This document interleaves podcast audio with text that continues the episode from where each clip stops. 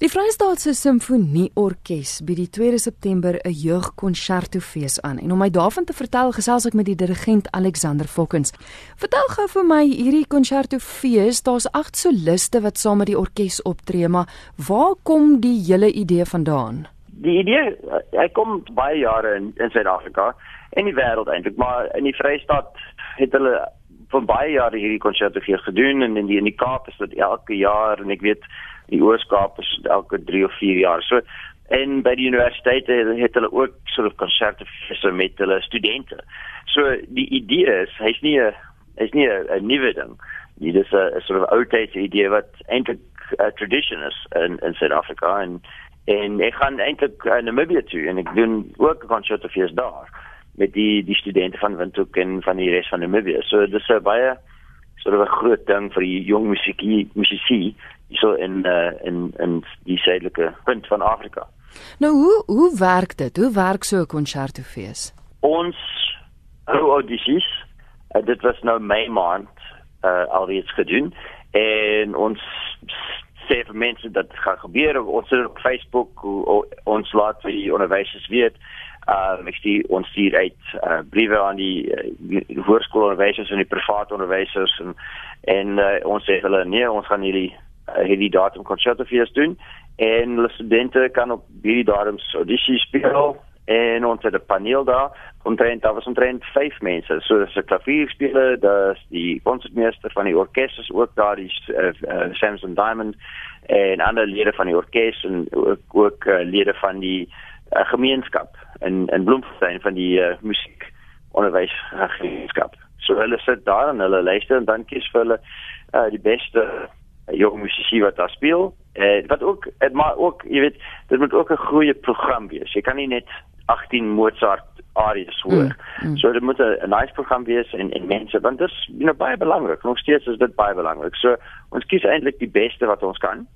En uh ja, en dan kyk ons na die program en en dan sê ons okay, ons wil hierdie mense hoor weer speel met die orkes en ons gee hulle die kans om uh, as soloist op te tree met met die uh, met 'n professionele orkes. Wat dink jy beteken so 'n geleentheid vir jong soliste? Ek, ek dink dit is seker vir baie 'n droom wat waar word, is dit nie? Ja, dit is eintlik my my dogters het gister met hulle hoërskoolorkeste uh, konserte gespeel en ek, as as as, as uh, vir hulle was dit 'n ongelooflike ervaring. As jy ouer word en as jy 'n uh, musikant word, uh begin dit you know daar's groot kompetisie en dan is dit moeiliker om die kansse te kry want jy's nou uh you know 'n professional of 'n beginning professional so jy moet altyd die groot kompetisies wen of 'n uh, goeie agent hê of wat ook al om saam met orkes te speel. So vir die jong mense is dit nou 'n geleentheid wat 'n bietjie makliker is om te kry want ons het sort of net nie net een solist as uh, agt van hulle op hierdie konsert en sodat die die kans is eintlik groter om so ervaring te hê. En en party van hulle dis die begin van 'n 'n sort of 'n career mm. wat um you know vir dis van 'n lewe sal deur gaan en vir ander is dit net 'n fantastiese geleentheid om musiek te maak want vir hulle is dit 'n belangrike deel van hulle lewe. So it's a great influence uh, on their lives, and for many of them, a most amazing opportunity that they will never forget. Mm. Kom ons kyk gou na die agt soliste wat nou optree by die konsertefees en saam met die Vrystaat Simfonie Orkees optree. Wie is hulle? Uh, ons het so agt van hulle. Ehm um, jy sien hierdie ene is dit is nie net vir die Vrystaat mense. Dis dit is eintlik oop, maar ons is baie streng advertised mainly mm. In Bloemfontein and in the Free State. we, we want to create as the Free State Symphony opportunity for our young learners and our young musicians. Ons het een uh, van die wenners is is van die Kaap, uh, Cuden Blau, hy's 'n klavierspeler.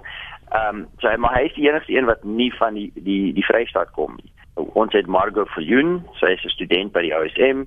Uh Maroping Makalake 'n tenor, hy gaan Puccini sing. Hy is van Bloemfontein, hy hy werk saam met uh uh, daar's 'n groep sangers en met Hans Potgieter hulle werk saam. Uh dan is 'n fluit uh, speler is Nina Celier, die uh, die die kind van Henry van die Westhuizen, die cellist van die Odeon Strijkkwartet. Haar seun speel nou viool en hy hy uh, Pieter Joubert, hy gaan die Kablevski speel en dan Beate Boshoff, sy is ook van die Vrystaat, Reinhard Grobbelaar Hy gaan uh, daai twee gaan hulle altyd klavier speel. Een gaan die Saint-Saëns concerto speel en die ander die eerste beweging en die ander gaan die Ravel concerto speel ook die eerste beweging. En dan laastens is René Ferreira, ehm um, sy's 'n blokfluitspeler ook van die Vrystaat. Uh so dis 'n geleentheid vir ons, you know, ons kinders wat die so mm. dag groot word to give them also opportunities. As jy kyk na die toekoms van ons jong musisië, die klomp jong mense met wie jy nou werk, is jy bekommerd oor die toekoms van klassieke musiek? Ek is eintlik nie bekommerd nie. Uh, we had a lot of young people audition and there was a very high standard. Mm. Um, so that is a very exciting thing for the future. Daar's nie so baie as daar was in die verlede, but there are many young people coming from a much greater diversity of, of their background. So that's an, an exciting thing to see uh, that change. But uh, I think it's about numbers. Mm. Dis die vir my is dit eintlik die die enigste ding wat uh, my 'n bietjie so bekommer is is die hoeveelheid mense you know nou uitkom om audition to do uh, and to play at that very very high level. Uh, I think if you're a, a teenager, a young person these days, to be able to focus on one thing to this level is not easy anymore. You know, hulle lewe is so besig by die skole en uh, as hulle sport of academic uh, is ook baie belangrik. So they've got to do really well at school, they've got to play sport, and now they also have to play an instrument at a high level. I think those uh, demands on a young person these days are greater than they've ever been.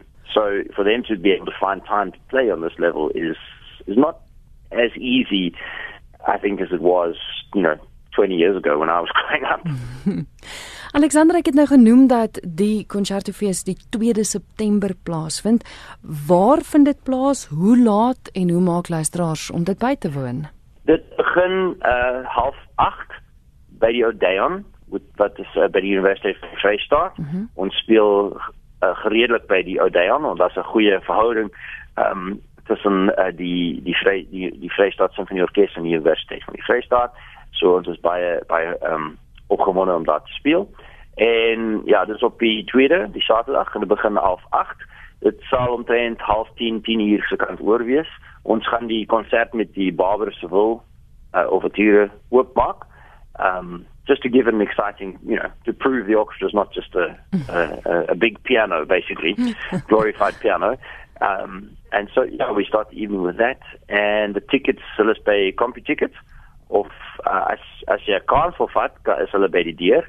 En die kaartjies is omtrent 150 rand uh, elk. Maar ons het we've got other options. As jy 'n student by die is by die UFS of enige universiteit is daar met jou uh, studentenkaart is dit 50 uh, 50 rand. Pensioners 100 rand.